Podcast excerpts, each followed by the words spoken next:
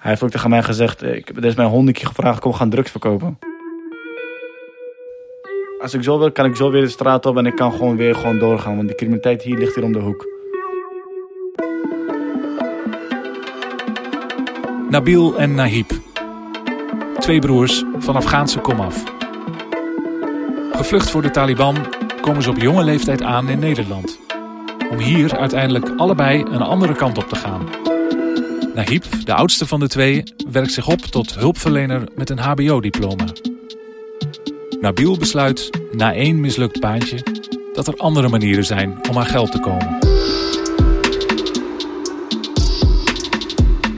Wat maakt de ene broer tot een schrikbeeld en de ander tot een toonbeeld van een generatie? Wat bepaalt welke afslagen we nemen in het leven?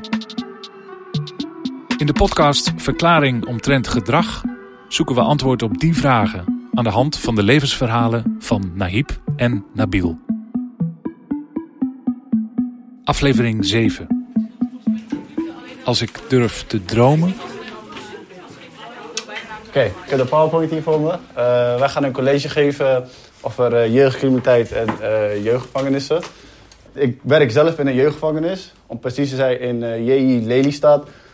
Hoe ben ik daarin aangekomen? Wat heb ik allemaal gedaan? Dat ga ik je nu vertellen. het was op een dinsdagochtend, lag te slapen. En om zes uur in de ochtend werd mijn deur uh, kapot gemaakt. Dus ik schrok. Ik Dit verhaal kennen we inmiddels. De inval van een arrestatieteam op het adres van Nahib, Nabil en hun familie. De setting waarbinnen het verhaal wordt verteld is nieuw. We zijn te gast op Hogeschool Windesheim in Zwolle. Daar geven Nahib en Nabil een workshop aan derdejaars studenten social work. Nou, ze dachten dat ik de uh, de dader was, maar dat was mijn broertje. Uh, nou ga ik stokje door over aan hem. Welkom allemaal ten eerste. Ik ben Nabil, ik ben uh, eh, 23 jaar. De reden dat ik hier sta, om heel eerlijk, eerlijk met jullie te zijn, is... Ik kom zoveel mensen tegen die zeggen... ik wil met probleemjongeren werken, ik wil met gedetineerden werken. Want dat is leuk, dat is uh, heel veel uitdaging. Maar ik kan jullie één ding zeggen. Wat je uit jouw boek leert, dat gaat je echt niet voorbereid op wat jij daar gaat zien. Als jij niet in een vriendengroep bent opgegroeid die het leuk vindt om grappen over elkaar te maken bijvoorbeeld, ga je dat echt niet leuk vinden. Dus met hun verhaal geven de beide broers inzicht in het leven achter de gevangenismuren. Vanuit het perspectief van zowel de gevangene als de bewaarder delen ze hun ervaringen om studenten een realistisch beeld te geven van het werk dat hen wacht. Ik zat een keer in de trein. Ik zat echt te denken van oké, waar kan jij nu bezig zijn met iets waar je sowieso al heel goed in bent. En wat je kan vertellen aan mensen die er niks over weten omdat ze het nooit ervaren hebben of het nooit hebben meegemaakt of nooit iemand in de omgeving. Toen kwam ik thuis, ik legde het voor aan mijn broer en we kwamen op hoorcolleges ik zou ook tegen van, wij hebben iets wat nog nooit eerder is gebeurd. Een broer en een broertje. De ene is begeleider en de ander is aan de andere kant op gaan. Je weet zelf ook hoeveel begeleiders in het eh, vak zitten die uh, simpelweg uh, hun de, werk gewoon niet op een goede manier uitvoeren. Ik zei, en ik weet dat het allemaal bij de opleiding al misgaat. ik denk dat hun de verkeerde informatie wordt gegeven over hoe ze met bepaalde jongeren eh, kunnen gaan werken of naar toe gaan werken. Hij vond dat een heel goed plan. Hij zei, let's go, laten we mee gaan beginnen. We hebben hier een paar stellingen voor jullie. Anders moet je ook alleen maar luisteren en hebben jullie geen eigen inbreng natuurlijk. Een van de casussen zie je lees mag ik je voor. Wat doe je in een situatie als professional waarin een jongere niet naar je luistert in een jeugdgevangenis? Je moet aanwijzen. Uh, jij? Ja, uh, wij deden gewoon altijd uh, gewoon consequentie bovenop consequentie. Net zolang dat je wel luistert. Oké, okay, gewoon maatregelen nemen. Ja, juist om die machtsverhouding helder te houden. Oké. Okay. Omdat anders overheen me heen gelopen werd. En, je hebt gewoon naar mij te luisteren, klaar. En de gedachte erachter, waarom dan zo direct en zo duidelijk? Ja, omdat ik anders weet dat ze gewoon over me heen zouden lopen. Oké. Okay. Ja, alleen in jeugdgevangenis heb je gewoon jongens die ook zoals ik al zei, het, zijn echt hele slimme jongens die gewoon een, domme keuze hebben gemaakt. Er zijn jongens die een jaar daarna een hoorcollege kunnen geven hier. voor de klas bijvoorbeeld. Dus uh, het is... Het, het is nee, wat, wat, wat, wat, wat, wat. Ik, uh, ik probeer ze gewoon te vertellen van... Niet hoe je het beste kan omgaan met de jongeren... maar dat je eerst onderzoek moet doen naar de jongeren zelf. Vanuit uh, uit welke cultuur komen ze? Is het hard? Hoe gaan zij met elkaar om? Wat kan jij daarin betekenen? Wat in jouw boeken staat over hoe een probleemjongere denkt, dat is de grootste onzin die er is. Ze zijn niet allemaal impulsief. Ik doe dit en ik wist niet dat dit de gevolgen waren. Je gaat jongens tegenkomen die gewoon slim zijn. Je gaat jongens tegenkomen die gewoon een, discussie van je winnen waarvan jij zelf denkt, wow. Nahib kan, net zoals Nabil, putten uit een schat aan verhalen over jeugddetentie. 22 jaar jong en onervaren werd hij in de zomer van 2017 in de JJI Lelystad in het diepe gegooid als groepsleider. Hij mocht zijn geld gaan verdienen op de plek waar Nabil net zijn pij had uitgezeten. Sajant, ook omdat de jongeren op de groepen daar wisten van het criminele verleden van zijn broertje.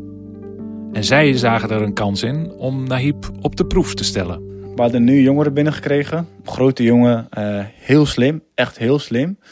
En ik werd direct zijn mentor. Hij, ik, weet niet hoe het gaat, maar misschien komt het door Nabil of zo. Dat ik bepaalde bewegingen van jongens sneller opmerk, bewuster van ben. Ik, ik, voel dat het klopt allemaal niet, hoe de jongens lopen en zo allemaal. Het klopt allemaal niet. En ik dacht, oké, maar ik wacht als een uh, wolf, wacht ik even af. Ik wacht af hoe de schapen gaan bewegen. Eind van de dienst loop ik naar een kamertje, naar een kastje daar. Ik open die en ik zie daar gewoon uh, telefoon, drugs, lachenspatroon, uh, nog meer dingen in een zak. En mijn collega zei, wauw, hoe weet je dat? En ja, ik legde het mijn collega uit, maar die begreep dan niet zeg maar van, oké, dat, dat je daar van die bewegingen zo bewust kan van zijn of zo. Volgende dag kom ik op werk en alle jongens waren in de keuken. En ik weet dan de jongens in de keuken gaan, want dat is voor hun de vergaderkamer. Dan gaan ze eten maken, gaan ze gaan praten. Oké, wat ben jij kwijt? Wat ben je gevonden? En ik ging expres daar ook mijn eten maken. En toen kwam die jongen van, uh, oké, wie heeft het uh, onderschept dan? Ik zeg, ja, ik. En toen zei hij van, ja, waarom? Ik dacht dat je een broeder was. Broeders doen dat niet met elkaar. Ik zei tegen hem, oh, een broeder. Dus jij verwacht van een broeder die hiermee zijn geld mee verdient, zijn brood mee verdient, uh, zijn moeder onderhoudt, uh, zijn familie ermee helpt. Verwacht jij dat hij zijn baan op het spel zet voor een klein beetje hash, zodat jij een avondje kan roken? Dat verwacht jij dus. Voor een broeder. Dat is voor jouw broeder. Nee, nee, nee, dat niet. En toen zei ik ook nog tegen van luister, jij zit op kamer 2. Kamer 1, slaap ik daar? Hij zegt nee. Ik zeg kamer 2, slaap ik daar? Hij zegt nee. Ik zeg ik ben geen mattie van jou. Ik ben geen vriend van jou die zulke dingen gaat doen. Laat dat, dat meteen nu duidelijk zijn. En toen heb ik tegen de hele groep gezegd. Als jullie allemaal denken dat jullie scheid aan mij hebben. Geloof mij maar, ik heb veel meer scheid aan jullie. Deze taal en deze houding tekenen Nahib als groepsleider in de jeugdgevangenis van Lelystad. Het voorbeeld bevestigt voor Peter Wesselink, teamleider in de JJI, dat hij er destijds goed aan heeft gedaan om Nahib aan te nemen. Ondanks zijn jonge leeftijd, gebrek aan ervaring en het criminele verleden van zijn broertje. Ik denk ook dat ik het risico Nahib aangegaan ben, omdat ik vond uh, dat deze familie, en dat is breder dan Nahib, de kans verdiende. Een goed salaris kwam die, die kant op. Nahib heeft zich qua studie, die deed HBO, heeft hij zich kunnen ontwikkelen en af kunnen ronden. Vervolgens geef ik hem een vervolgopleiding.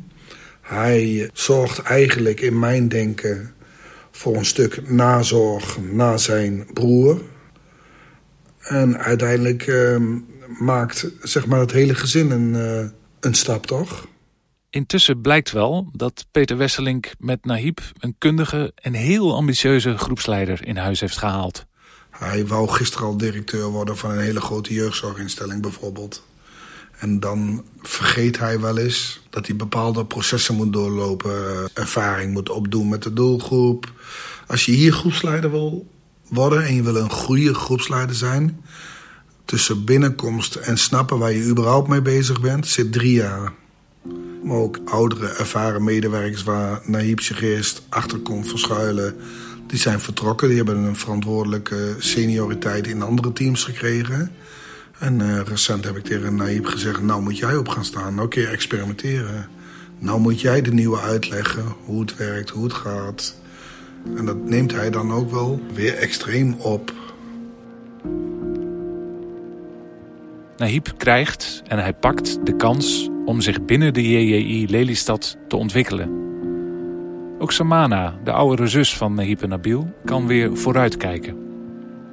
Jarenlang heeft zij het welzijn van haar zieke ouders en haar broertje op de eerste plaats gezet. Ik was zelf zo overspannen geraakt van alles. Ook omdat hij die twee jaar mijn leven om Nabil heen draaide, zeg maar.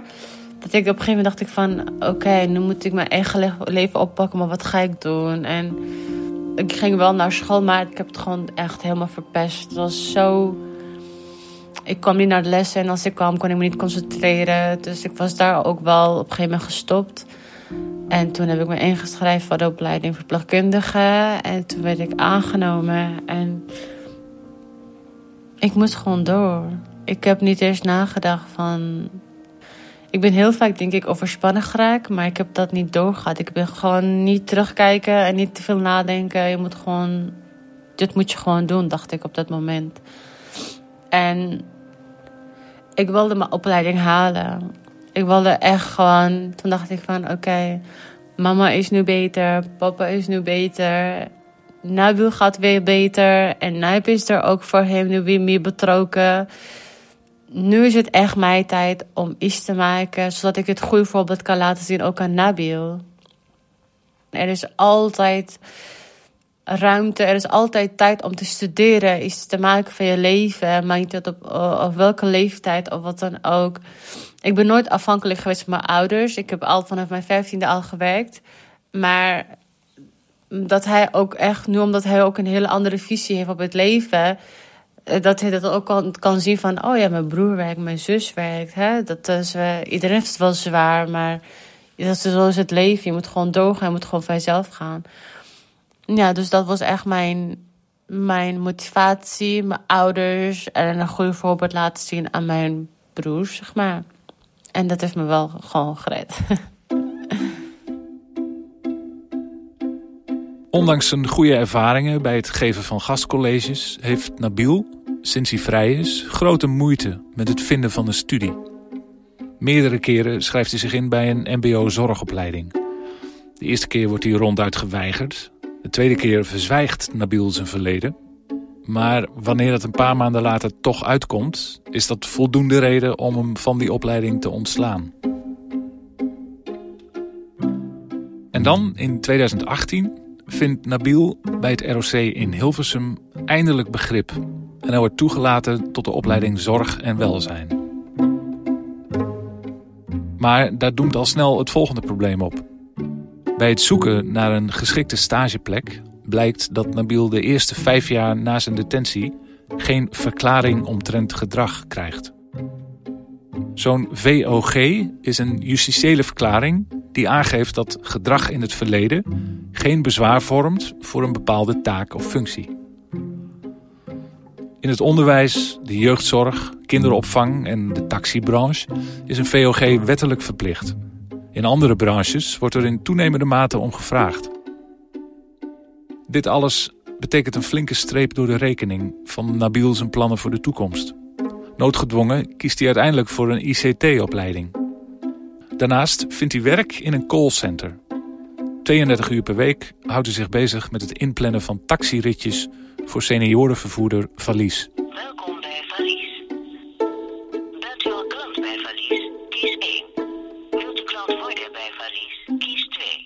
Ik heb alleen maar veel, heel veel respect voor hem. Dat hij zo, zoveel discipline heeft om door te gaan, om te blijven werken en werk zoeken. Hij heeft ook tegen mij gezegd, ik heb is mij honderd keer gevraagd, kom gaan drugs verkopen. Maar door mijn VOG en alles, en ik, ik, als ik zo wil, kan ik zo weer de straat op en ik kan gewoon weer gewoon doorgaan. Want die criminaliteit hier ligt hier om de hoek. Maar ik zeg nee. Ik snap dat jongens, uh, wanneer ze terugkomen in de samenleving, weer criminaliteit. Want ze hebben geen VUG, ze worden daar niet aangenomen, daar niet aangenomen. Dus hij snapt bepaalde dingen beter. Ik snap zijn wereld beter. Ja, tuurlijk. Je, komt de jongens tegen. Ik was ook altijd eerlijk tegen mijn moeder. Ik zei tegen mijn moeder, ik ga die jongens nu niet negeren of zo. Ik bedoel, dat je een keuze maken om er niet meer aan deel te nemen. Dat er respecteren ze natuurlijk. Maar ik ga niet, als ik ze buiten zie, eh, negeren. Ik zeg, dan ben je gewoon een aparte gozer. Iedereen die ik ben tegengekomen die in dat wereldje leeft, heb ik gewoon een hand geschud. Heb ik gewoon gezegd, ja. En dan zie je hoe zij leven. En, eh, en ik zeg niet dat het schijn is. Iedereen zegt altijd, de misdaad loont niet. Dat zeg je alleen omdat je alleen de mensen ziet bij wie het niet loont. Mensen die vastzitten. Maar ik denk dat er echt honderden heel lange tijd gewoon heel normaal leven. En gewoon een inkomen hebben uit dat wereldje. En ze doen geen mensen kwaad en zo. En dat is gewoon een brood. Maar van hun hoor je niks. Dus daarom hoor je misdaad loont niet. Als jij negen dingen goed doet en je doet één ding fout, hoor je alleen maar over dat ene ding natuurlijk. Iedereen die ik dan, die ik dus uit dat tegenkom, geef ik gewoon een hand. En ik kijk naar hun en zij, en zij vinden het echt leuk om te horen. Of ja, ik werk nu gewoon in een callcenter en uh, ik werk daar zes dagen in de week. En ik ken denk ik alle oma's en opa's uit de Belmer en uit Zuidoost die allemaal een ritje willen boeken met een taxi of een rollator. En zij kunnen niet bevatten dat zij mij daar zien zitten, gewoon met een uh, headsetje op. En dan is het maart 2020. Ik wil me richten tot de ouderen en de mensen met een zwakke gezondheid. Ik realiseer me dat u grote zorgen hebt. En daarom wil ik u zeggen dat het onze absolute prioriteit is de risico's voor u zo klein mogelijk te maken. Ouderen zitten gedwongen in quarantaine en mogen zich niet meer van A naar B bewegen. En dat betekent dat Nabil zijn baan in het callcenter per direct kwijt is. De ICT-opleiding die Nabil volgt gaat online verder, wat voor hem ontzettend lastig is. Noodgedwongen verdient hij nu zijn geld met het verwijderen van stenen uit tuinen. Als je me gistermiddag lag ik, uh, was ik een steen aan, het harken. Een shirt uit, vies zweten, het zweet het druppelt over je hoofd. je werkt met mensen, ja, die, die, die zit al in de veertig, veel problemen, veel, ja, ik zeg niet dat ik eh, een boek oordeel op zijn kaft. Ik lees hem ook. Maar de mensen met wie je werkt zijn ook geen goede invloed. Die zitten aan de drugs en alles, dit en dat. Dus om je heen heb je ook geen goede invloed. Maar je bent daar wel en je, je werkt gewoon en je weet gewoon wat je verdient. Ik kan niet opgeven. Dat heb ik ook altijd gezegd kan niet opgeven. Dat is ook de reden waarom ik al vijf jaar lang naar een andere opleiding ga. Dat is ook de reden waarom ik ook zoveel baantjes heb gehad. Het is gewoon... Ga gewoon door. Geduld hebben. Uh, blijf gewoon doorgaan. En op de een of andere dag uh, het is op je plek. Maar je bent het zat. Dat wel.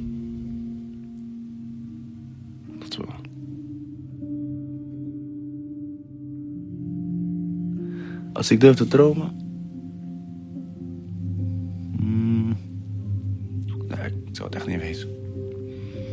Als je me vijf jaar geleden zou zeggen, waar zou je zijn over vijf jaar? Dan weet ik dat ik zou zeggen, nou, ik heb dan denk ik een opleiding gehad. En dit en dat. Maar, uh, nee. Maar, als ik nu zou kijken over vijf jaar, ik zou zeggen, ja, ik wil gewoon een vaste baantje. Sparen autootje halen. Op jezelf wonen, heerlijk. En een vrouw als het, uh, als het ooit uit mag komen natuurlijk.